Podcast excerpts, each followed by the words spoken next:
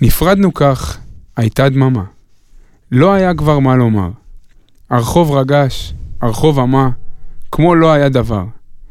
כל זאת היה אתמול, ונדמה שחלפה לשנה. מרגעי חלום גדול נותרה רק מנגינה.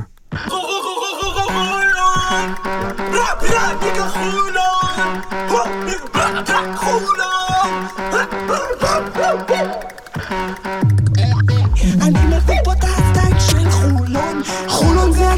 אטלנטה נגד חולון זה אטלנטה נגד אני מביא פה את הסטייל של חולון. וחולון זה אטלנטה נגד חולון כן זה אטלנטה נגד אני מביא פה את הסטייל של חולון. חולון זה אטלנטה נגד חולון זה אטלנטה נגד אני מביא פה את הסטייל של חולון. חולון זה אטלנטה נגד חולון כן זה אטלנטה נגד יום ראשון, התשעה בינואר 22, פרק 35 של פודקאסט הכל סגול. פרק 35 זה, הוא סוג של פרק חירום, כאילו פרק בזק, פרק מהרגע להרגע. בוא נגיד ככה, בשבת, בשעות המוקדמות, עוד לא היה פרק. אמ, והפרק הזה כמובן אה, מגיע לאור השינוי בעמדת המאמן שהתבצע בסופש. אה, ואנחנו כאן אה, כדי לתת את כל הזוויות על המהלך הזה ולשתף מהתובנות שלנו. מהזווית של האוהדים, טאבוך ביקש, אז לא יהיה קידום סושיאל היום, כי כבר קידמנו שבוע שעבר. אה, סתיו טאבוך, שובל אהרונוב, מה איתכם? הכל בסדר? תענוג, תענוג, כן. יהיה יותר טוב. אדוני? יהיה בסדר. אתה מסופר, אתה נראה טוב היום. כן, לכבוד הפודקאסט. טוב, אה, וממי שנמצא פה באולפן, למי שהפעיל את סעיף 5 אה, והבריז מהפרק, אבל נמצא איתנו על קו הטלפון, אוהד אבנשטיין, מה העניינים? הכל טוב, מה נשמע? נו, אתה, איך אתה? איך, היה סוף שבוע מטלטל אה, לאוהדי הפועל חולון, מה, איפה זה תפס אותך? וואי, חבל על הזמן. זה תמיד, פיטורים זה תמיד דבר שמפתיע, למרות שמריחים את זה, תמיד אתה מקבל את זה בסוג של שוק. בוא נגיד, חושב. בוא נגיד ככה, אה, אם, אם פיטורים זה משהו שמריחים אותו, אז אתה, יש לך חוש ריח של אה, נווד בדואי במדבר. האמת, אני אגיד לך, אני לא... למרות כל מה שהיה ולמרות כל הרכשושים וכל הלחשים מסביב, לא, לא הייתי כל כך בטוח ש, שיפטרו. חשבתי שהולכים איתו, סך הכל, כמו שאמרתם גם בפרק הקודם, המאזן הוא, הוא לא היה טוב, אבל הוא גם לא היה קטסטרופה. אה, אז יאללה, בוא, בוא, כן, עזוב, נכון, בוא, בוא נפשיל שרוולים, ניכנס פנימה. אה, כן. זה- הקטע, מאוריציו בוסקליה אה, מפוטר מהפועל חולון לאחר חמישה חודשים בתפקיד. אה, לאחר- באמת, כל זה קורה אחרי 73-72, מאוד, מאוד כואב לבשיקטש במשחק מספר 1. בעצם אבנשטיין, שובל, סתיו, זה משחק שמספר, מתמצת בקצרה את סיפור העונה שלנו עד כה. אה, הגנה קשוחה ומחויבות שלא מספיקה כי הקבוצה בהרבה מובנים גם עצורה, קצת מסורסת התקפית, מבולבלת, אה, ובסיום המשחק התמונה מתבהרת אה, שמאוריציו לא- כנראה שלא ימשיך. לפני שנדבר רגע כדורסל ואבנשטיין וכולם פה ייתנו פה את כל הסיבות ומה שהם חושבים, חשוב לי לשים רגע את התוצאות. בממד ההישגי, מה מאוריציו כן הביא לנו. אז אה, חצי גמר גביע ווינר עם הדחה להפועל אילת זה בתחילת העונה. זה ניצחון אחד. ניצחנו את הפועל תל אביב. הפועל תל אביב. כן, אה, מאזן 1-1 בגביע ווינר. מקום שני בליגה בתום 13 מחזורים, אה, מאזן 8-5. אתמול כתבתי לאבנשטיין אחרי ההפסד של הפועל ירושלים, פיטרו מאמן בהפועל חולון במרחק משחק וחצי ממקום ראשון. ואז מה הוא הגיב ומה לי? אני עניתי אבל? מה ענית? מה עניתי? שאנחנו במרחק ממקום שבע. נכון, באחד וחצי ממקום ראשון, מרחק משחק ממקום שביעי. אה, אז הליגה הזאת מאוד טריקית. העפלה לשלב ה play-in ב-BCL עם 4-2 בשלב הבתים והפסד אה, בשלב ה play-in 1. סך הכל, כולל גביע ווינר, מאזן 13-9 בכל המסגרות, 59 אחוזי הצלחה. אז בוא, בוא נצלול לזה טאבוך. אה, אתה עמדת פה בפרק הקודם ואמרת שאתה לא היית רוצה שיעשו מהלכים פזיזים של פיטורים באמצע חודש חשוב, והנה זה קורה. מה אתה חושב שהסיבות לפיטורין? מה... דברו איתי, איזון, כדורסל קצת. אני חושב שצריך להתייחס למשחק האחרון, כי אתה מכיר אותי, אני לא בן אדם שלוקח ללב אה, משחקים, ואני לא טיפוס אמוציונלי יותר מדי. בניגוד ל... בניגוד ל- אליך. אה, אבל המשחק האחרון באמת אה, יצאתי עם תחושה מאוד קשה. כי מעבר לזה שהפסדנו משחק חשוב, הפסדנו מול יריבה שקבוצות בליגת העל, כל קבוצה הייתה מהצלחות, אפילו כנראה מכבי ראשון לציון, אם היא- אם היא באה קצת מוכנה. תקשיב, אה, היה חלקים במשחק שהקרינו את אקסו, הילד בן 15, הקרינו אותו על המסכים למעלה שהוא כן. נכנס. אני לקחתי את הג'קט שלי ושמתי, התביישתי. לא יכולתי לא, לראות. לא, זה- זה היה משחק מחפיר. המשחק הזה הזכיר קצת את הסוף של דרוקר, את המשחק האחרון. נכון. נהריה, קהל? מתעצבן, בלאגן, לא הולך שום דבר, אתה רואה שמשהו כאילו לא דופק. ואתה, אני שסיימתי את המשחק הייתה לי תחושה, עוד שעוד חשבתי שזה לא, לא יקרה בגלל שאנחנו בעיצומה של סדרה. אה, אנחנו עוד נגיע אבל אה, להמשך, בגדול, הייתה תחושה לא טובה כבר תקופה במועדון, ב- ב- בתור אוהד, אתה רואה, זועמים פתאום הקהל על, על איזה חילוף כזה, או מהלך כזה, או כל דבר אחר, ואתה רואה גם דברים שלי נראו מהצד, מהיציע, מוזרים, גם בניהול משחק, גם בדברים אחרים, דברים שבהתחלה היינו פחות רואים, אה, בין אם זה כל מיני חילופים ספציפיים, בין אם זה דברים שבהגנה, פוזיישן האחרון, שאתה עולה עם, אה, עם גיא פניני וג'ו רגלנד, שבסדר, שחקנים טובים, הכל בסדר, אבל איך לא קייזר לדוגמה, או סטיב זאק, שחקן בצבע שיכול לחסום חדירות, שקיבלנו את הסל על חדירה. נכון. כל מיני דברים קטנים שאתה שם בוא- לב, שאתה בוא אומר, נצלול רגע למשחק משהו לא הזה. דופק. בעצם בשלוש דקות האחרונות ספגנו 12 נקודות, וזה היה משחק של score מאוד נמוך. אתה יכול להגיד הגנה בעייתית, אבל גם בשקטש פשוט התעלו בדקות המכריעות. אה, היה שם שלושה לפני ה... של סיפר, סיפר. לא, לא, לא, לא השלושה של סיספאי, אבנשטיין, היה שלושה של וייטד מהפינה בסוג של sidestep, אתה זוכר? וייטד בכלל התפוצץ כן. שם, ועכשיו ראינו שהתפוצץ לו משהו אחר בגוף. רק אה. הוא עוקם את הקרסול. מק- מקווה שהוא לא ישחק במשחק הזה. אבנשטיין, מילה שלך, איך אתה ראית את המשחק נגד אה. בשיקטש? אני, אני חושב שסבבה, כאילו, ההפסד לבשיקטה זה באמת זה היה מביש ב, בצורה... אין לי איך להגדיר את זה אפילו, אבל אתם לא יכולים להתעלם מזה שהיה פה כדור שלג, שבוסקליה לא הצליח לעצור. היה פה, זה לא שאנחנו עכשיו רק נגד בשיקטש נראינו רע, ופתאום הפסדנו out of the blue. אה, אתם יודעים, אה, כאילו איזה אוהד לפני המשחק, אה, שמעתי אותו אומר, אה, הם בלי חצי סגל. אז אנחנו, יהיה לנו קל הערב לנצח אותם, וכאילו, הוא שכח איך אנחנו נראים בשבועות האחרונים, ואני חושב גם שבוסקליה, הוא הביא פה שחקן במקום אה, סטיבן גריי, לא משנה אם גריי רצה לעזוב או לא, אבל עדיין, אדם סמית הגיע במקומו, שום תפוקה. פשוט, אה, אה. ו- וזה גם כישלון של מאמן, ואני אני בטוח שההנהלה הסתכלה גם על הדברים האלה. אנחנו ראינו אותו ברבע האחרון דווקא. רגע, בוויכוח עם טאבוך, רגע. בוויכוח עם טאבוך, מי מי אשם ביכולת של אדם סמית להוציא את הרבע האחרון? אדם סמית או המאמן?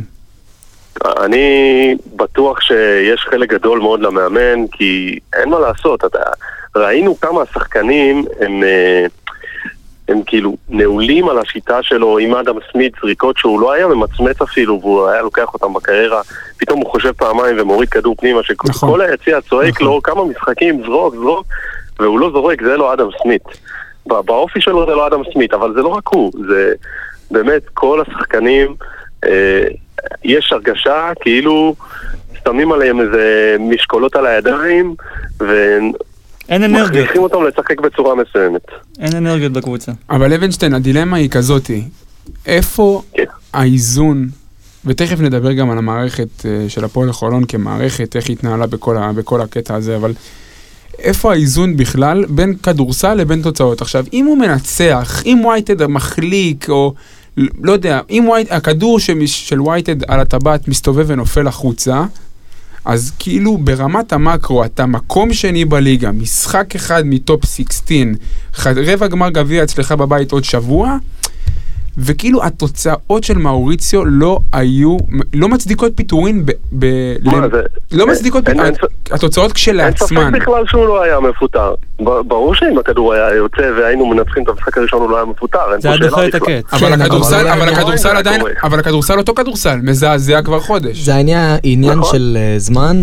תראה, אתה מסתכל אחורה עכשיו, טוב, ניצחנו כמה ניצחונות טובים בהתחלה, חפרנו ודיברנו אלף פעם על ההכנה הטובה, זה נתן לנו צעד ככה קדימה לפני שאר הקבוצות.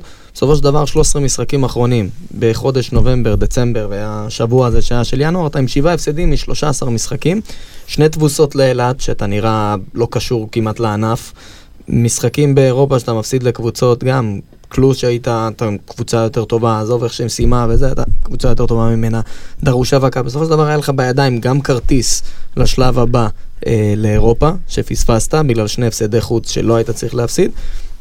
וגם אתה נראה בליגה לא מספיק טוב. אז אתה אומר שאם אני מוציא את הפתיחת עונה הזאת, אתה אומר 13 משחקים אחרונים, מאזן, שבעה הפסדים. שבעה הפסדים, אז גם התוצאות אתה אומר לא מספיק חד טובות. משמעית, אם אתה, לא, אם אתה לא פותח את העונה כל כך טוב בגלל ההכנה הטובה שעשית, שזה לזכותו, צריך להגיד את האמת, זה לזכותו, הוא פתח את העונה טוב, הוא הגיע מוקדם, הוא עשה את הדברים שהוא היה צריך, אמרנו על זה גם שהוא מכין בדרך כלל את הקבוצה טוב למשחקים, הניהול משחק שלו פוגע, ואנחנו רואים שזה עוצר שחקנים, דיברנו על אדם סמית, זה בן אדם שמרים 10-15 זריקות למשחק, הרים 4-5 משחקים עד המשחק האחרון.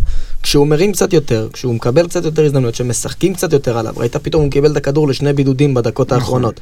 משחקים עליו, הוא יכול לתת יותר, אז הוא לא איזה קורי וולדן או, או נכון. גלן רייס או מה שלא יהיה, אבל הוא שחקן שיכול לתרום הרבה יותר ממה שהוא תרם עד עכשיו, ואת זה לא ראינו כמעט משום שחקן שאתה יכול להגיד בואנה הוא שיפר אותו, אתה אומר קצת ניב משגב, רפי מנקו, אבל באמת אין שחקן שאתה אומר טוב, הוא, הוא מרים את הרמה שלו ביחס למאמנים נכון. קודמים שהיו פה, שמגי והריס לא עשו אותו דבר. מה- מה שרואים אני מפה חייב בעצם... להוסיף רגע משהו, כן, אני כן, חייב כן. רגע להוסיף משהו על הדברים של שובל.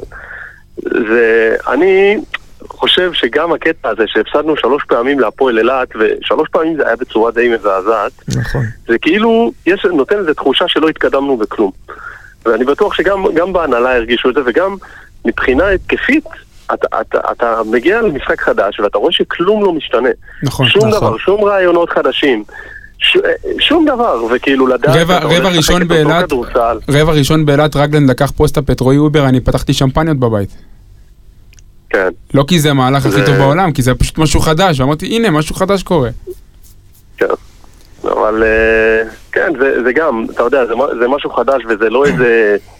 הוא לא, הוא לא הלך פה למשהו שונה לגמרי, נגיד, אה, מה הפוסט שהעלינו היום, נגיד, אה, לשחק עם כן. השני גבוהים, אולי לתת להם אה, אה, טיפה יותר חופש התקפי. אין, לא, לא ראינו פה דברים שהם שונים, אולי דיברנו קצת על, אה, היה לו את אוגדן, הוא יכול גם לנסות את אוגדן, כמה שהוא... אה, לפעמים אתה צריך לשנות לצורך השינוי, כאילו, בטח ובטח כשיש כדור שלג ואתה רוצה להכניס דינמיקה חד, אה, חדשה. טאבוך, יש לך משהו להוסיף? לא, אני חושב שזה גם מעבר לכדורסל. מה שרואים מפה לא רואים משם כנראה. כי סתם נניח תראה את ה story של מייקל קייזר, נכון. אחרי האימון הראשון עם גודס. The energy is back. כן. אה, אני חושב שזה הרבה יותר... אה, בפנים הוא איבד את החדר הלבשה, אני לא אוהב את המושג הזה, אבל זה מרגיש שזה היה, היה שם ככה. כי אני חושב שהיו שחקנים, וגם שי האוזמן אה, זרק את זה על הדרך בחמישיות. לא יודע מה הסיבות המדויקות, אבל זה מתחיל ממה ששובל אומר, ומה שאבנשטיין אומר בקטע המקצועי. השחקנים אצל בוסקליה הרגישו עצורים. כן. וכשאתה לא מקבל אפשרות והזדמנות אה, לעשות את מה שאתה יודע הכי טוב, אתה מתחיל להתמרמר ואתה לא, לא נכון. מאמין בדרך של המאמן. אז יכול להיות שזה באמת, אנחנו יכולים לדבר פה על חסימות ויציאות לכלייה ובניות סגל ושוק, ואנחנו אוהבים להתפלפל ולצאת פלצנים, אנחנו חולים על זה. בסופו של דבר יש פה אה, מאמן שלא נתן לשחקנים שלו להיות עצמם, ואף אחד לא... איזה שחקן אבנשטיין שנמצא בסגל של הפועל חולון, אולי תגיד רפי, אולי רפי, אבל לרפי היה כדורסל יותר טוב נגיד בהפועל אילת לפני שנתיים, נתן, אה, ממוצ... נתן יכולת יותר טובה מהממוצע שלו בקריירה. אתה מבין מה אני קריס שואל? ג'ונסון. אבל אה, קריס ג'ונסון, כן, זה קל, אבל חוץ ממנו, אני לא יכול להגיד שיש איזה מישהו ש... הרבה שיחקו מתחת לרמה שלהם. זה, זה כן. מה שאתה מנסה להגיד ואתה צודק. ואני אני חושב אבל שהדבר שהכי חסר לבוסקליה בשיטה שלו זה, ה, זה המשחק ריצה. אני ראיתי השבוע את מנרסה, איך שהם שוטפים, אה, וגם הם קבוצה שהיא פחות או יותר בסגנון שלנו, אין איזה גרדים, ש, גרדים יוצרים, וזה, וזה פשוט סגנון אחר, זה כדורסל ספרדי, ו, אבל השיטה שלהם, הם, הם מצליחים לנצח בצורה אה, יחסית יפה, וגם עם כדורסל יותר, אה, יותר אה, שפוי, כי פשוט הם רצים המון, ואני חושב שזה מאוד היה חסר לבוסקליה ב- בשיטה שלו, גם מבחינת האטרקטיביות של הכדורסל. לא הצלחנו לעשות אה, מספיק נקודות מריצה. אה, כן, ולגב... אני, אני לא חושב שזה היה רעיונית לא לרוץ, כמו שמנטלית, הם לא היו מסוגלים לרוץ, כי הם היו מרוקנים מנטלית. כן, זה מה שאתה חושב? אני חושב שזה זה יותר, ה- זו, זו יותר הבעיה, זה פחות השיטה שלו, זה יותר ה... זה- כמה פעמים ראית שחקן מסתכל לעבר הספסל השנה ובשאלה כזה של מה אנחנו עושים? לא, באופן כללי, זה, זה הרגיש לי כאילו ברגעים המכריעים, במאני טיים, בוסקליה הולך אחורה כי, ב, ב, על הקווים. הוא, הוא, אתה לא מרגיש שהוא מנהל את המשחק והוא יותר סומך על אה, גיא פניני, אתה יכול לראות את זה לחיוב או לשלילה, אבל אה, הוא לא, הוא לא היה מספיק חזק על הקווים. טוב, עוד סוגיה קטנה, אבנשטיין. רגע, אני רוצה לשאול. רגע את, ה, את הפאנל, אם, אם זה רק אני או שזה לא. אני, אני אישית, מהצד, ממה שאני ראיתי, על בוסקליה, אם אני צריך להגדיר אותו במילה אחת, זה, זו המילה עקשן. אני, הייתה לי הרגשה לאורך כל הקדנציה שהוא נורא נורא עקשן. לא, לא רק מבחינת השיטה, גם כלפי השחקנים, הוא, הוא נורא נורא מקובע כזה. את מי זה מזכיר? אה, מי זה מזכיר? כמאמן. שאימן בחולון. אה, שרון? דרוקר, אתה. אומר? כן. היו, תראה, גם אצל שרון דרוקר וגם פה היה חוסר חיבור כמעט מהרגע הראשון בין ההנהלה, שחקנים, אוהדים, לבין המאמן. ובסופו של דבר, זה מה שיצר את, את, את כל הכסחים ואת כל הזה, ובגלל זה גם היה יותר קל לשחרר אותו. ורגע, ואפרופו לשחרר אותו, מילה קצרה על התזמון, מה אתה חושב על זה שזה מאמנים מפוטרים באמצע סדרה, לקראת חודש גורלי, האם ההנהלה אומרת הכל או כלום, או שהיה צריך לעשות, לתת לו עוד הזדמנות אחרונה? אז תראה, אה, פה אני דווקא חושב שהם לקחו הימור. לא יודע אם להגדיר את זה פזיז, לא פזיז, אני דווקא פח... לא חשבתי שזה יקרה במהלך הסדרה, הייתי בטוח שהוא יגמור את הסדרה, לא יעלו והוא ישוחרר, אה, לפני או אחרי הגביע. אבל אני כן חושב שפה הם לקחו הימור, שאם הוא משתלם ואתה איכשהו מבליח עם ניצחון ב- ב- ב- בטורקיה, וגם מגיע לגביע ככה עם קצת אנרגיות יותר אה, טובות. ו- כן, ומנטליות יותר טובה, וחדר הלבשה יותר שמח, אתה יכול, צריך ויכול גם לעמוד שם במשימה. מצד שני, אם אתה רואה שזה מקרטע, וזה לא מתחבר, וזה לא עובד, אז אתה אומר, אה, טוב, פיטרו את המאמן, לך תשנה עכשיו הכל. כאילו, יש אתה פה מכיר, בעיה. אתה מכיר את המונח אפקט המאמן החדש? כן. שיש את. סומכים על זה. זה, אז זה בכדורגל עובד יש- יותר. אם יש תזמון ל... ל- לנצל את אפקט המאמן נכון. החדש, שזה אפקט קצר טווח נכון. שלא מבטיח בכלל הצלחה לטווח ארוך. נכון. אבל אם לנצל אותו, זה בתזמון כזה שיש לך שלושה משחקים בנקר הכי חשובים של העונה. ובגלל זה גם ניצלת את הסייפון הזה, לתת לך עוד כמה ימים נכון. של אימונים. רגע, אבל מי מי המאמן החדש? חכה עם המאמן החדש, חכה, חכה עם המאמן החדש, אל תרוץ לי. המאמן אה, החדש, אני רץ לך? אל תרוץ לי, אוקיי. חכה, אני צריך לשאול פה עוד כמה שאלות חשובות על מאוריציו ולתת לו את הכבוד לפני שאנחנו מתקדמים. אבנשטיין, שאלה, אה, בוא נדבר רגע על המערכת של הפועל חולון, אה, ככלל כמועדון. אנחנו שופטים את ה... כאילו לא שופטים, אנחנו מסתכלים על ההחלטה להביא את מאוריציו בוסקליה בקיץ. ודיבר עופר שלח בחמישיות ואמר, יש פה הפך מוחלט מ-DNA של מועדון, הלכו 180 מעלות. עכשיו, חשוב לשים לב שההחלטה על מאוריציו בוסקליה התקבלה אחרי התקלה של דדס, דדס התקיל את המערכת באמצע הקיץ, פתאום היה צריך לשלוף איזה שפן מהכובע, אה, שיא חלון העברות, לעשות איזה, באמת, ההחלטה שהתקבלה מהר, אה, במסגרת זמנים מאוד קשה, בוא נגיד ככה, בצורה גלויה ו- וישירה, סטפנוס דדס שם את המערכת של הפועל חולון בנקודה מאוד לא נוחה בקיץ. אתה מסכים איתי? מסכים ב-200 אחוז. עכשיו לגבי, לגבי הבחירה במאוריציו, אתה כבר מתחילת הקיץ אמרת לי, הסגנון, הסגנון לא, לא מתחבר לי. האם זה היה צפוי מראש? זה בסך הכל אני שואל אותך. עד כמה קודם המערכת נכשלה בליהוק? אז, אז שנייה, נכשלה זה מילה גדולה, אני, אני אגיד לך משהו. אה, קודם כל, אתה זוכר איך דיברתי איתך אחרי שמינו אותו. שבועיים אני הייתי בדיכאון קליני, באמת, אני ואני- הייתי בדיכאון. ואני, אני, ואני מתווכח איתו אה, כל הקיץ, אני אומר לו, תהיה אופטימי, עזוב אותך. ביום יום, ביום יום הרגיל שאני הולך לעבודה אני בדיכאון מזה שלקחו את בוסקליה ברמה הזאת, אבל אה, אני אגיד לכם איפה בוסקליה קנה את ההנהלה אה, ואיפה, ואיפה בעצם ההנהלה לא הצליחה. אה, הוא קנה את ההנהלה ב, ב, ביחסי האנוש שלו, אוקיי? שגם שם, לדעתי הוא נכשל. כאילו, כל ה... יש את ההרצאה הזאת שלו בטד, נכון. ויש את, אה, ויש את כל העניינים האישיים שאני בטוח שהוא מכר אותם בראיון העבודה איתו, אבל אני לא בטוח, אה, קודם כל אני חושב שבאספקט הזה הוא די נכשל, אני לא, אני, כמו שסתיו אמר, אה, נראה שהוא איבד את החדר הלבשה וגם אני הרגשתי את זה, אה, אבל אם אנחנו מסתכלים רגע על הצד המקצועי, מה שאז הייתי די בטוח שלא הסתכלו מספיק, זה בעצם הסגנון. שזה באמת כדורסל נטול גארדים שפחות מתאים ל... לליגה שלנו, פחות מת- מתאים למועדון, ל- למועדון. לדרך ולמועדון, המועדון הכתיב פה גם דן שמיר, עוד לפני דדס, היה משחק סמול בול, אה, פחות, אולי פחות, טיפה פחות קיצוני מדדס, אבל גם הוא אה, שיחק נכון. שמאל בול, ו- ובכלל, אני, אה, תמיד אני נזכר בעניין הזה של גוטמן וביתר ירושלים בזמנו. גוטמן היה מקום ראשון בביתר, ובאמת, אה, אני לא חובב כדורגל גדול, גדול אבל שם אני, את הסיטואציה הזו אני זוכר. מה זה, עם המזוודה? ראשון- מה זה? עם המזוודה? איזה מזוודה? לא, אה, הוא, הוא פשוט, הוא היה מקום ראשון, אבל מאוד הגנתי. אה, כדורגל לא טוב. אה, כן, לא, היה סיפור בבית"ר ירושלים. עם מזוודה שזרקו עליו, אבל זה משהו יותר רכילותי. אה, אוקיי.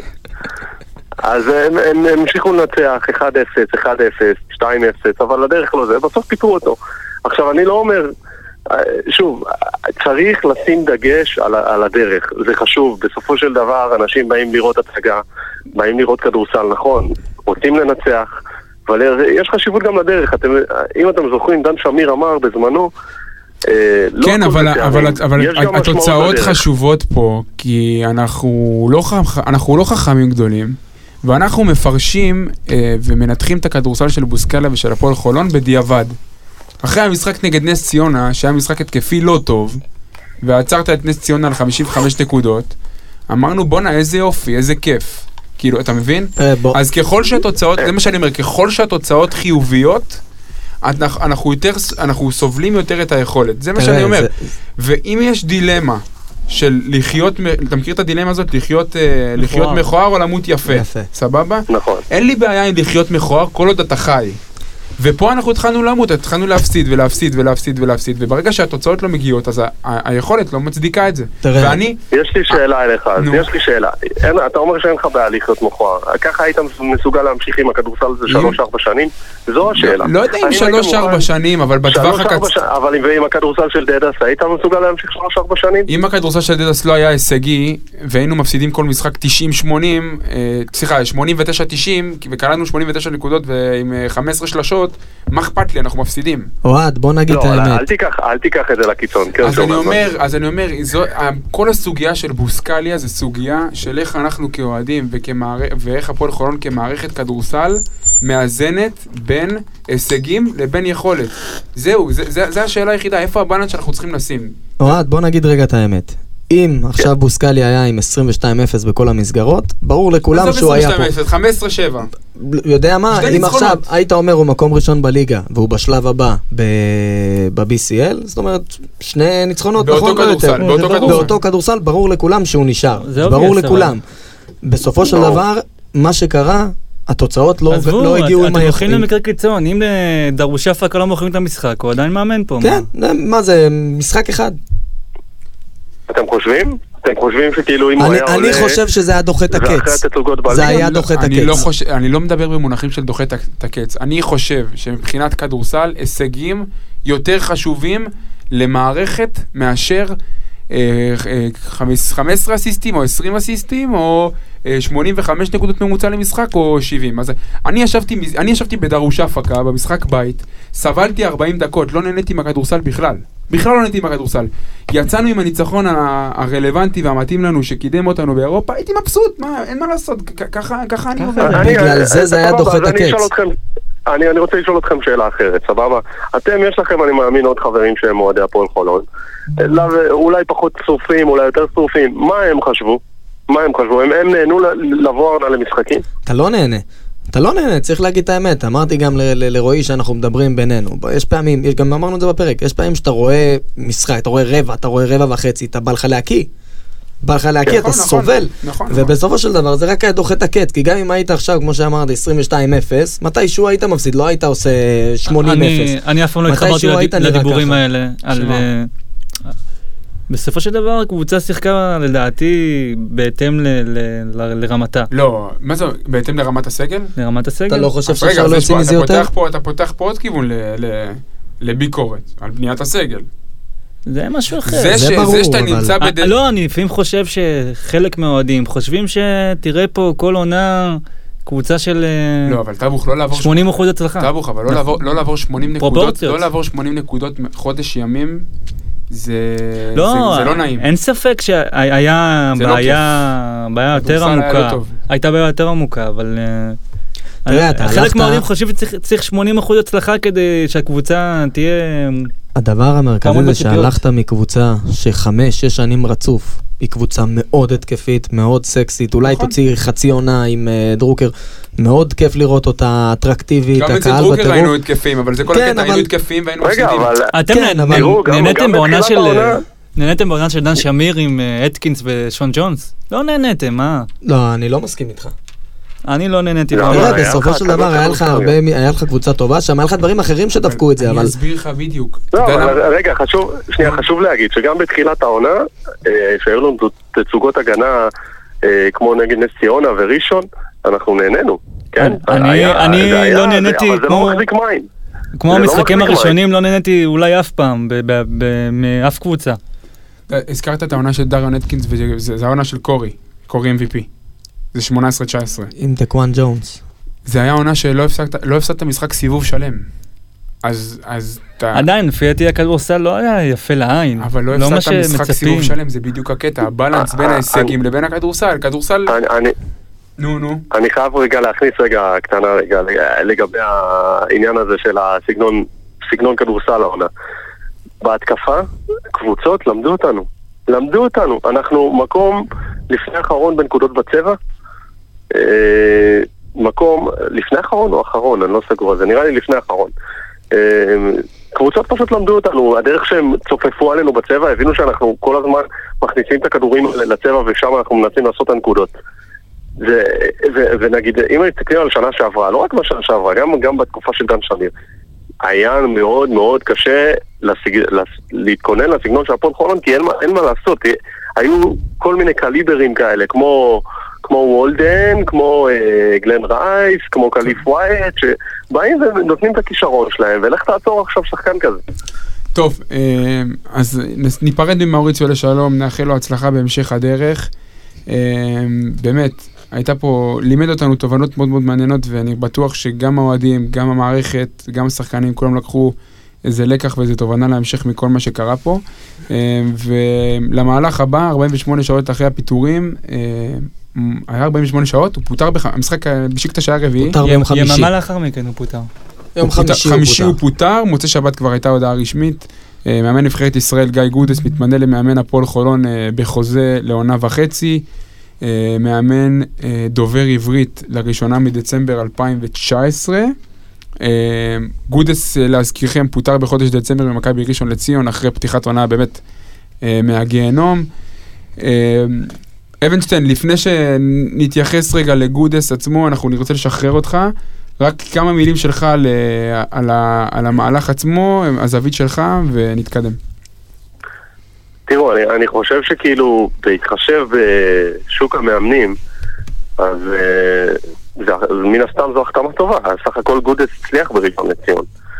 אה, אבל להגיד לכם, מבחינת כדורסל, אני חייב להודות שעדיין לא יצא לי יותר מדי לחפור בכדורסל שלו. אה, לא, גם לא בטוח שהוא כזה מובהק כמו אה, דדס לכיוון מסוים וכמו בוסקליה לכיוון מסוים. כן, היה לנו פה שני הפכים אה, גמורים, תוך שנה. נכון. אבל אני חושב שקודם כל המשימה הראשונה שלו זה משימה מנטלית. הוא, הוא חייב, כמו מה שקייזר אמר בסטורי, bring back the energy, the energy is back, אז זה, זה מה שהוא צריך לעשות באמת דבר ראשון, להחזיר להם את, ה, את האמונה, את הביטחון, את, ההת, את ההתלהבות. ושוב, מבחינה מקצועית, לשחק כדורסל יותר מהיר בהתקפה, התקפות קצרות ויותר לעניין, לתת להם את החופש שלהם. אה, לסמוך יותר על אדם סמית, כי אין מה לעשות, זה מה שיש לך, גם אם הוא לא איזה שחקן שהוא top level. ואולי גם לנסות את זאק וקייזר, כי הם, הם די דורכים אחד על השני, אבל אין ברירה, כאילו שניהם שחקנים אה, ב-level גבוה, ושניהם מכסים חלק די נכבד מהתקציב שלנו, ו- וצריך ללמוד איך אה, אולי אה, לשלב אותם יחד, זו, זה מה שאני חושב. טוב, אה, אבנשטיין, אנחנו נמשיך לנתח את ההחתמה של גודס. אה, מודים לך באמת על כל התובנות, ואני באמת מאחל לחשבון הוואטסאפ הפרטי שלי לקבל ממך הודעות אה, שמחות ומאושרות בחודש הקרוב. כבר ביום רביעי. יאללה. אבנשטיין. תודה. רבה. ביי, תודה חברים, ביי. כן, דברו איתי. אה, טבוך, מי אתה גיא גודס? מי... אני? מעריך שרובנו מכירים את גיא גודס, אני אתן בריף קצר על הקריירת האימון שלו. הוא בעצם התחיל אה, עוד בעשור הקודם בראשון לציון, הוא שימש כעוזר מאמן במכבי תל אביב בשלוש קדנציות שונות, שתיים עם ספאחיה ואחת עם אה, דיוויד בלאט, שכללה גם זכייה ביורוליג ב-2014. הוא גם אימן את מכבי תל אביב, 31 משחקי יורוליג. אה, הוביל בעברו ב-2010 את הפועל ירושלים לרבע גמר יורו-קאפ. הוא האחרון שהגיע עם מכבי תל אביב לשלב ההצלבה. נכון, אבל זו הייתה שיטה אחרת, זה לא... כן, לא השיטה של. היום, אבל הוא האחרון. נכון, נכון. לא, אבל אם אנחנו רוצים להתייחס לניסיון אירופי, כי עכשיו אירופה, אנחנו צריכים שהוא יציל אותנו. ב-2010 הוא הגיע עם ירושלים לרבע גמר יורו-קאפ, זה די מזמן. אה, הוא היה עוזר מאמן נבחרת בריטניה ביורו-בסקט 2013. בת- בתור אה, תארים כמאמן, יש לו גביע עם מכבי תל אביב, שזה אמור להיות must כן. עבורם, הוא הפסיד אליפות. רגע, אירופה, אירופית יש לו גם יורו קאפ עם ראשון. כן, הוא היה גם עם ראשון לציון, היה לו מאזן 2-8 אם אני לא טועה, שזה גם נכון. המאזן שהיה לו העונה בליגה, שזה נכון. פחות מתקבל. אבל היה לו בית מאוד קשה. היה לו מונקו, היה לו כן, אה, כן, בולוניה, היה לו היו שם. קבוצות חזקות מאוד. אה, הוא זכה גם בשלוש פעמים בגביע הווינר. אה, בריאיון שעורך בישראל היום, הוא אמר שעם הרזומה שלו הוא יכול לאמן כל קבוצה בעולם. אה, אז אה, אולי הוא אפילו גדול עבורנו אם זה ככה. אני רוצה לחזור, לחזור לקדנציה האחרונה שלו בראשון לציון, הוא בעצם הגיע ב-2018, והוא חתם לשנה וחצי, כמו, כמו הפעם, וזה... אחרי הבלאגן שהיה עם צביקה. אלו מקרים מאוד דומים, כי צביקה שרף ומאוריציו בוסקליה מזכירים אחד את השני, מבחינת, אה, בתור תכונות של מאמן. אוקיי. הכנה טובה, צביקה שרף זכה בגביע הווינר, כולם מילאו אותו, נכון. מאוריציו אותו דבר. אה, שניהם רס"רים, שניהם אולי אה, איבדו את החדר לבשה בשלב מסוים. אז ככה שהוא הוא מכיר את הסיטואציה הזאת מ-2018 עם ראשון לציון, והוא הוביל אותה באותה עונה, אם אני לא טועה, לגמר הגביע, גמר הגביע. באופן כללי, בקדנציה הזאת, שהיא בכלל נדירה במחוזות ראשון לציון, היא הייתה מאוד הישגית. נכון. היא הייתה, הוא הגיע פעמיים לגמר גביע, פעמיים לגמר הפיינל פור, ובעצם הוא המאמן היחיד, למעט אה, אפי בירנבוים, ב-20 שנה האחרונות, ששורד במכבי ראשון לציון יותר משנתיים. ככה שהוא רשם הישג אה, יוצא דופן, אבל כולנו מכירים, כולנו שמענו על התערבויות על ארוחות ודברים כאלה בעונה האחרונה, עם המאזן 2-8 במכבי ראשון לציון.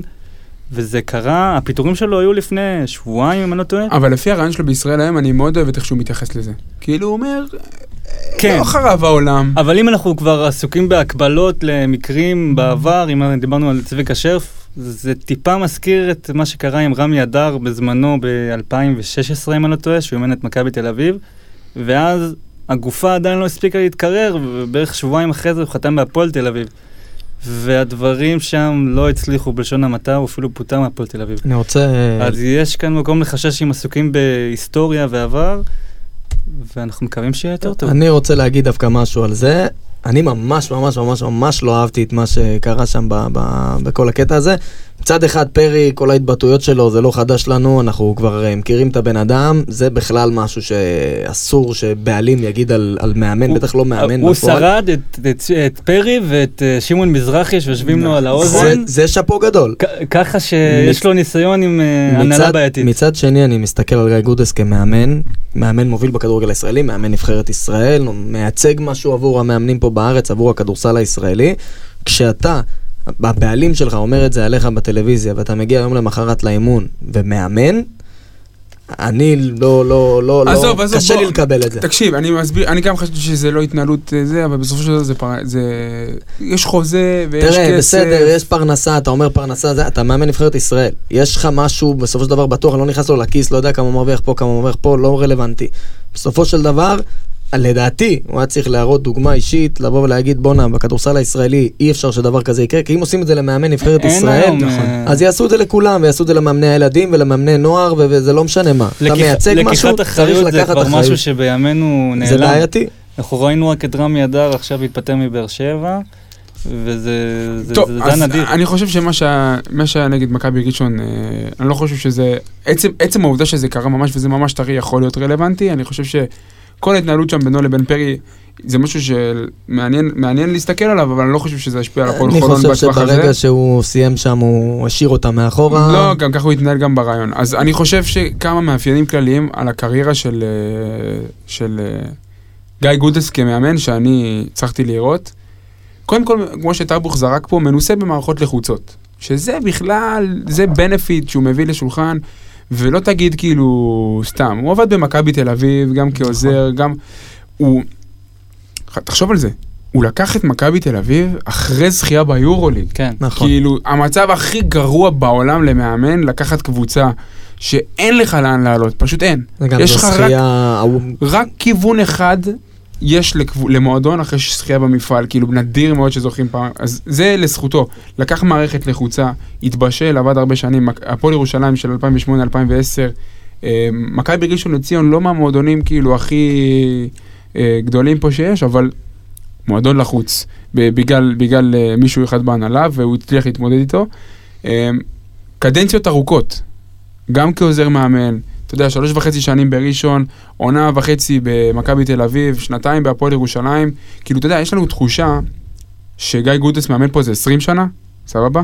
ובקלות הוא יכול להיות, כאילו, הרזומה שלו היה יכול להיראות כמו פרנקו כזה, כל קבוצה בערך איזה שבע פעמים, ובסופו של דבר אתה מסתכל על, על הרזומה של גיא גודס, והוא עבר כמה קבוצות? שלוש קבוצות. שלוש קבוצות, הפועל ירושלים, מכבי ראשון לציון ומכבי תל אביב. שלוש קבוצות הוא עבר, כאילו, אתה, אתה מסתכל, אתה חושב על גיא גודס בתור מאמן, אתה אומר בואנה. אה, זה, זה אחד, ועוד איזה משהו שאני חושב שכן כן צריך לשים לב, אולי במכבי ראשון היה לו יותר אפשרות לעשות את זה ואצלנו יהיה פחות, אבל אני חושב שגיא גודס נותן קרדיט לשחקנים צעירים בצורה, אנחנו ראינו את זה על נועם דוברת. הוא כאילו. מקדם שחקנים, לא- לא רק צעירים, אם אתה רואה את אה, עוז בלייזר, אדם אריאל, זה- זו דוגמה אחרת, הם לא שחקנים צעירים, נכון. הוא קידם אותם. הוא, הוא יודע לקחת שחקנים ולהוציא מהם... לקדם אה, שחקן ישראלי. לקדם אבל יש שחקן... גם מקרה- מקרים אחרים, כמו איגור קולשוב, שלפי דעתי הוא גמר לו את הקריירה, ואני לא יודע למה הוא חזר אליו. כן. אז עוד פעם, הכל עניין של, אה, הכל, הכל עניין של, אה, של תזמון והתאמה. בואו נדבר רגע על כמה סוגיות לגבי ההחתמה של גודס. אה, דיברנו על זה, ככל הנראה התזמון של פיטורי מאוריציו הוא, הוא גם בגלל היכולת, גם בגלל התוצאות הלא טובות בחודש האחרון, אבל גם בגלל העובדה שהיה היה היצע בשוק. אה, אני חושב שמכבי תל אביב לא מפטרת את יאניס ספרופולוס רק בגלל הדבר הזה, אה, דעתי האישית. טייבוך, דבר זה. אבל זה לא... מה? לא אותו עצה. בין אה, מה שמכבי תל אביב מחפשת למה ש... לא, בגלל זה אני אומר, הסיבה שמכבי תל אביב לא, לא מפטרת את יאניס ספרופולוס כרגע, כי אין היצע מספיק בשוק שברמה, במאמני level יורוליג. אוקיי. אני חושב שהם היו מפטרים אותו עוד שבועיים או עוד שלוש אחרי הסדרה, אם לא היה את ההיצע הזה. ברגע שיש לך את האופציה של גיא גודס, כן, עודד, יש לך שניים, זה. זירז את זה ברור, כי הם. אמרו, אוקיי, יש לנו אופציות בשוק. אם אין לך כלום, אתה לא עושה את ה- את הדבר הזה. טוב, אה, דברו איתי עוד סוגיה קטנה שאני רציתי להכניס אותה ל lineup, וטאבוך לא רצה, נכון? אמרת לי? על מה אתה- על מה אתה מדבר? על המאמן נבחרת. אתה, אתה חושב שזה כן רלוונטי? איך זה משפיע על הפועל חולון? בוסקליה גם היה מאמן נבחרת. זה לא, אין- אין כאן הבדל. גם לא, קטש כשהיה בירושלים. מה זה אין הבדל? אה, סליחה. מה? כמה שחקנים הולנדים בוסקליה אימן בקבוצה שלו? לא, על מה אתה מדבר כשאתה כשאתה אומר אה, מאמן את הנבחרת? אני לא יודע. יש הרי חלון אומר- בחודש לא, פברואר לא, לא, לא. הקרוב, הוא לא יהיה, זה אני לא אותו מצביע על דבר. משהו ספציפי. אני אומר, האם העובדה שגיא גודס מאמן את נבחרת ישראל ומאמן את הפועל חולון, עכשיו לא אכנס פה לדיון התיאורטי של האם מאמן צריך, ב- לה... האם מאמן צריך לאמן במקביל, לא נכנס לזה, אבל אני מדבר ספציפית עלינו. האם יש נקודות חיכוך שאתה אומר, הנקודות יש חיכוך יש זה לא לא מסתדר. ישפיעו על הפועל חולון. אולי אוקיי. זה ישפיע על נבחרת ישראל, נניח תגיע החלטה בקיץ, את מי לקחת לנבחרת, עוז בלייזר או רפי מנקו. והוא יבחר אוקיי. את רפי מנקו. אני- זה זה כבר אה, שיקולים אחרים, זה- בהפועל חולון לפי דעתי זה לא יפגע. בגלל שגם... אתה ראית גם את עודד קטש כשהוא אימן את הנבחרת, נכון. הוא לא חשבן, הוא לא אמר ניתן לקות לשחקנים ישראלים על חשבון זרים נכון. בגלל שהם מאמנים נבחרת ישראל. נכון. יש את ההפרדה הזאת, ומאמנים בארץ יודעים לעשות את ההפרדה הזאת, אז ההפרדה הזאת, וזה לא שעכשיו אנשים באיגוד ילחצו עליו, למה אתה לא משחק עם שחקנים ישראלים. פה מצופה גם מהמאמן, גם מהשחקנים להיות מקצוענים. בסופו של דבר יש את העבודה שלו בחולון, הוא צריך לעשות את הכי טוב בשביל העבודה שלו בחולון, וכשהוא מגיע להיות מאמן הנבחרת, הוא צריך לעשות הכי טוב כמאמן נבחרת, ואם זה לזמן את X מחולון או Y ממכבי תל אביב, או לא משנה מה, הוא יבחר את מה שיותר טוב לו, ספציפית לקמפיין או למשחקים שיש. ואם מדברים על זה, אני חושב שהוא לקח את הדברים שמאמן נבחרת אסטוניה מאוד אה, לליבו, נכון, אה, כן, על וואי. הכושר אימון, והיה לו חשוב זה- מאוד לחזור לאמן. אני קראתי את הטענה הזאת של גודס בכתבה, ואמרתי, בואנה, זו טענה חזקה מאוד. זה משהו שמדברים עליו, חזקה. והוא באמת לקח את זה, נראה לי, הוא- אני- הוא היה חשוב לו לחזור לאמן נגיד- כמה שיותר מהר. נגיד למאזינים, אה, גיא גודס נשאל על הסוגיה הזאת של מאמן נבחרת או מאמן קבוצה במסגרת הרעיון שלו בישראל היום, ואמר טיעון מאוד חזק, שאמר לו מאמן נבחרת אסטוניה, הוא אמר, תקשיב, אני מאמן רק את נבחרת אסטוניה, ואני שם לב לירידה בכושר ניהול משחק שלי, אני, אני מאמן, מנהל משחק פחות טוב, כי אני עושה את זה פחות. אני נכון, עושה את זה שלוש פעמים בשנה, אתה מבין? אז נכון. זה, זה משהו מאוד מאוד חזק. בואו נתקדם לעוד איזה סוגיה. טאבוך, אה, חוזה לעונה וחצי, אה, ככלל כמדיניות, גם ישב פה רועי דבורה ואמרנו לו, אנחנו אוהבים כאילו דברים ארוכי טווח. אנחנו לא... לא, שמע, אני אבל מה בטוח ש... הסיכון פה? אני בטוח שהפועל חולון ניסתה להשחיל לו חוזה לחצי עונה, עם אופציה לעונה הבאה. זה... הוא בחיים לא היה מקבל את זה.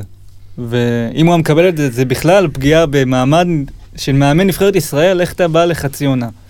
אה, זה- זו הייתה האופציה היחידה לדעתי, זה לא, זה- זה לא ההנהלה אמרה. לא, השאלה, השאלה היא לא היא, השאלה לא היא אה, גודס אה, להצליח לתת לו חצי עונה, עונה וחצי.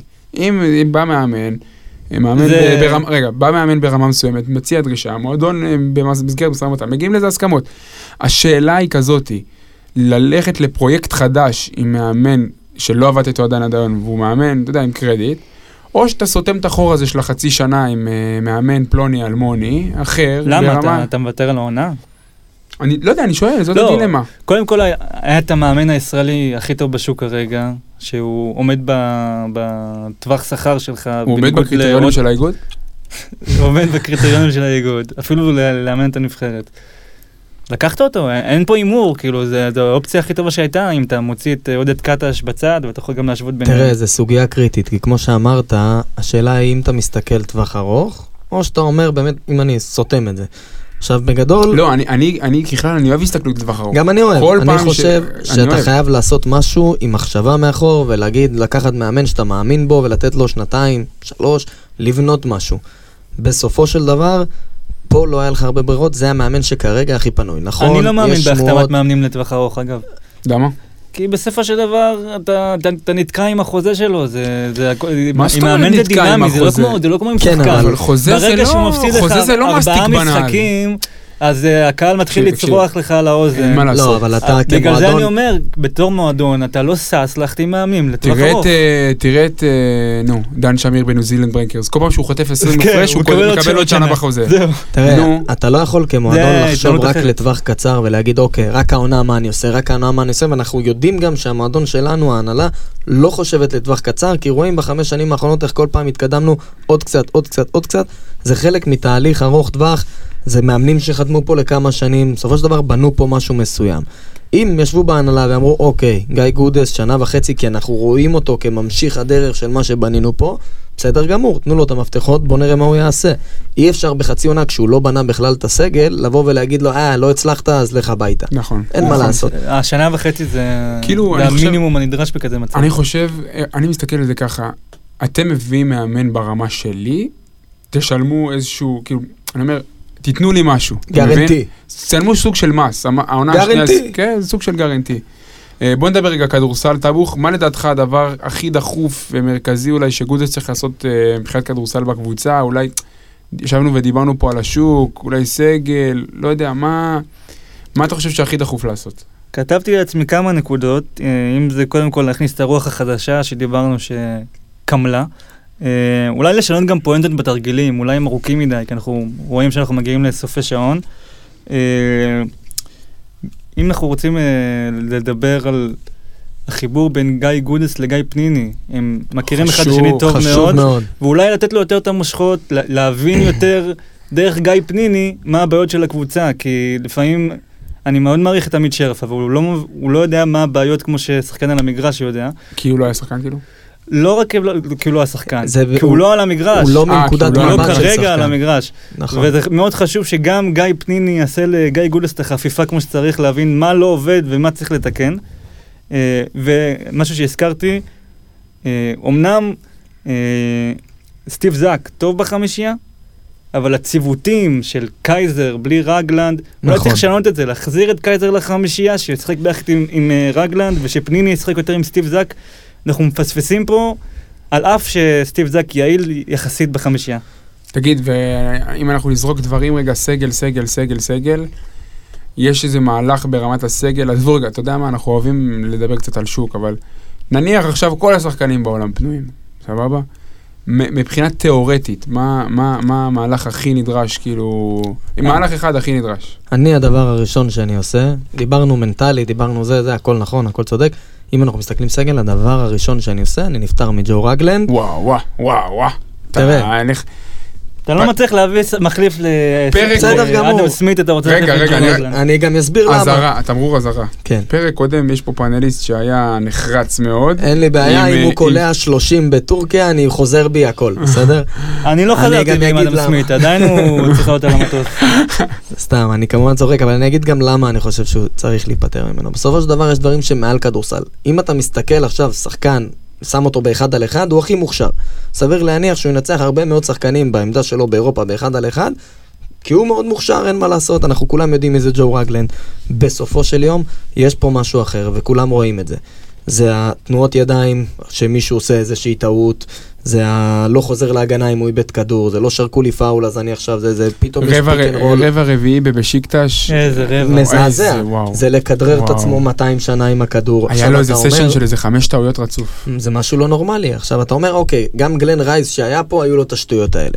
אבל גלן רייס היה מחזיר לך עם 30 נקודות על המשחק, 7 ריבאונדים ו-8 אסיסטים. והוא מלך האסיסטים של ליגת אז האלופות. בסדר, אז הוא מלך האסיסטים, אבל בסופו של דבר הוא עושה הרבה יותר נזק לדעתי, גם בחדר הלבשה, כי אתה רואה שחקנים יורדים לספסל וצועקים בואנה הוא לא שומר, או עושים פתאום, מתעצבנים על הדברים האלה, וכולם רואים את זה וכולם יודעים את זה, וכולם יודעים בחדר ההלבשה בדיוק מה הולך על המגרש ומה קורה, וכשהוא זורק אז אחרים ירשו לעצמם אז אתה אומר, לזרוק. אה, מה שאתה חושב, שאתה אומר נניח ויש לי גארד אה, בקליבר טוב, פנוי בשוק, אני וזה חושב, מסתדר לי כלכלית, אני מעדיף ללכת להעיף את ג'ו, כי הערך המוסף שלו לקבוצה הוא שלילי. אני חושב קודם כל כן.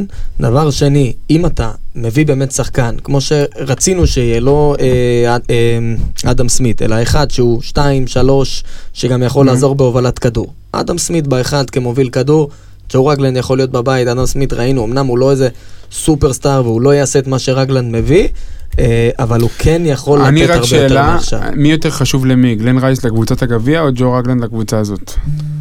אני חושב שג'ו רגלנד לקבוצה הזאת, אבל זה קטע פחות מוכשר. אבל בסופו של יום, הנזק שהוא מביא מבחינה מנטלית ולחדר ההלבשה, נכון, לדעתי, אבל יותר אוקיי, גדול. אבל אנחנו לא- הוא מחזיק הכל. אגב, אני לא חושב שהוא מחזיק התשובה הכל. התשובה היא גלן רייס. התשובה היא גלן רייס? התשובה היא גלן רייס. לא ג'ו רגלנד? אתה זוכר איך אה, הקבוצה הייתה נראית לפני שגלן רייס הגיע? כן, אבל זו הייתה קבוצה הרבה יותר מוכשרת התקפית. הרבה יותר מוכשרת לא, התקפית. איך היא לא נראתה אחרי שבא ג'ורדן בהשוואה. אבל ג'ורדן המילטון זה-. זה מחליף בקליבר שאתה היום לא יכול להביא כזה דבר באמצע עונה. כנראה. לא יודע. טוב, כנראה. עוד משהו, עוד משהו מרכזי, דחוף, משהו שאתם חושבים ברמת הטקטיקה, או... שאתם- אני רוצה רק אה, להרחיב על גודס. אה, זה לא סוד שהוא מאמן של שחקנים. שחקנים מאוד אוהבים אותו ואוהבים להתבטא ולהגיד כמה אוהבים לשחק אצלו, וזה אני מקווה שישחק תפקיד גם אצלנו.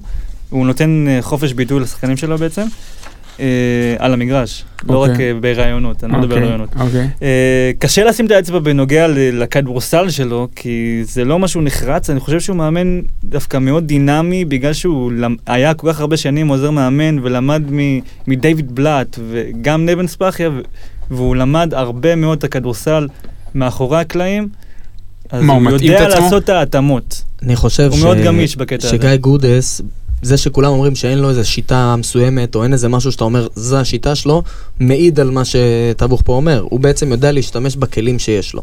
יכול מאוד להיות, דיברתי על רגלנד שאני חושב שהוא צריך לא להישאר בסגל, יכול מאוד להיות שהוא יבוא עם האנרגיות החדשות, עם הדברים החדשים, נרתום אותו איתו ונראה דברים אחרים. אם לא, זה נזק. אבל בסופו של דבר, זה הפלוס מאוד מאוד גדול של גיא, שהוא יודע להתאים את עצמו למה שיש לו, ואני מאוד מקווה שהוא יצליח להוציא יותר מזה. טבוך אה, בשיקטש ביום רביעי, מה אנחנו יכולים לעשות יותר טוב שלא עבד לנו במשחק מספר 1? הכל. לא, באמת, זה יותר גרוע מזה, יהיה קשה לעשות. בהנחה שאוליץ' ג'פרסון ישחק והסגל יראה שם אני יותר מעריך נורמלי. שכשהעלייה מונחת על השולחן, פתאום ימצאו את הכסף. לשלם לאוליף ג'פרסון את חודש דצמבר, והוא לא יודע כמה... אני חושב, לא יודע מי אמר, לא יודע אם זה בכלל קשור לכסף. הוא נתון. הוא לא היה בחולון, נתון ו... אה, אולי נבדוק רגע, אם הוא שיחק היום נגד... לא אה, שיחק. הוא לא שיחק נגד בכט השיר? לא, לא שיחק. הוא לא ישחק גם. טוב, אני לא יודע אם הוא ישחק. דיברנו ב- ב- בשבוע שעבר כהכנה לסדרה, ואמרנו להכניס את הכדור לצבע, כי אין להם כמעט גבוהים. וראינו הלכה למעשה את זה ב- ב- ברבע הראשון. כדור הלך לסטיב זק פעם אחרי פעם, שש נקודות, עשו עבודה טובה. בסופו של דבר, כל מה שעשית ברבע הראשון לא עשית באף אחד מה- מהרבעים האחרים. לא נכנסת לצבע, גם כשהיה להם שלוש וארבע עבירות לגבוהים שלהם, לא נכנסת לצבע, לא עם אמר- קייסר, לא מישהו עם אמר זק. ואמר נכון, פוזיישן אחרון של משחק. אדם סמית מקבל את אה, דדריק לוסון בחילוף, נכון. ארבע עבירות, כל הצבע פתוח, הוא מרים לו זריקה ב- עם יד בפנים מחצי מרחק. נכון. זה החלטה... וזה הוביל לריצה בצד השני כן, זה שלושה. של סיפאי. נכון. זה החלטה... שאני- אתה לא שלם עם דבר כזה. כאילו. בעיה, זה- תראה. אתה לא חי עם זה בשלום. דיברנו על לרוץ. כשאתה משחק עם קבוצה עם סגל של שישה שחקנים, יש להם ילד בן 15 שמשחק, איך אתה לא רץ פעם אחרי פעם אחרי פעם? תגמור אותם, שלא ירצו לראות, נכון. ש- שיזיעו, ינטפו, לא יוכלו נכון. לנשום. רוץ, רוץ, רוץ, לא יישאר להם אוויר, הם הגיעו לרבע האחרון, הם עשו מה שהם רוצים שלוש דקות אחרונות, נכון. כי היה להם אוויר. סגל של שישה שחקנים לא- עשה... לא רק אוויר, גם אה, עבירות. לא- גם עבירות, ברור, גם עבירות, גם עבירות, אבל הם עשו מה שהם רוצים ברבע האחרון, כי היה נראה כאילו הם בכלל לא עייפים, והם שיחקו 35, 36 דקות, לא רצת, אם- הקצב היה איטי, גמר, הקצב אני גמר חושב, אותך. אני חושב ש... אני חושב שכמובן שאנחנו מסוגלים לנצח. אני גם חושב. אה, הכל ברמה המנטלית. כאילו, עכשיו אתה יודע, גם זה מוזר להגיד מנטלית.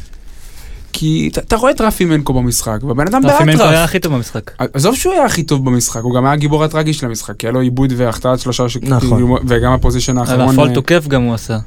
הוא עם עשה אופנסיב, פניני, הוא עשה נכון? אופנסיב, כן, אה, גנבו שם אופנסיב. הוא היה סוג של כן. גיבור טרגי, כי...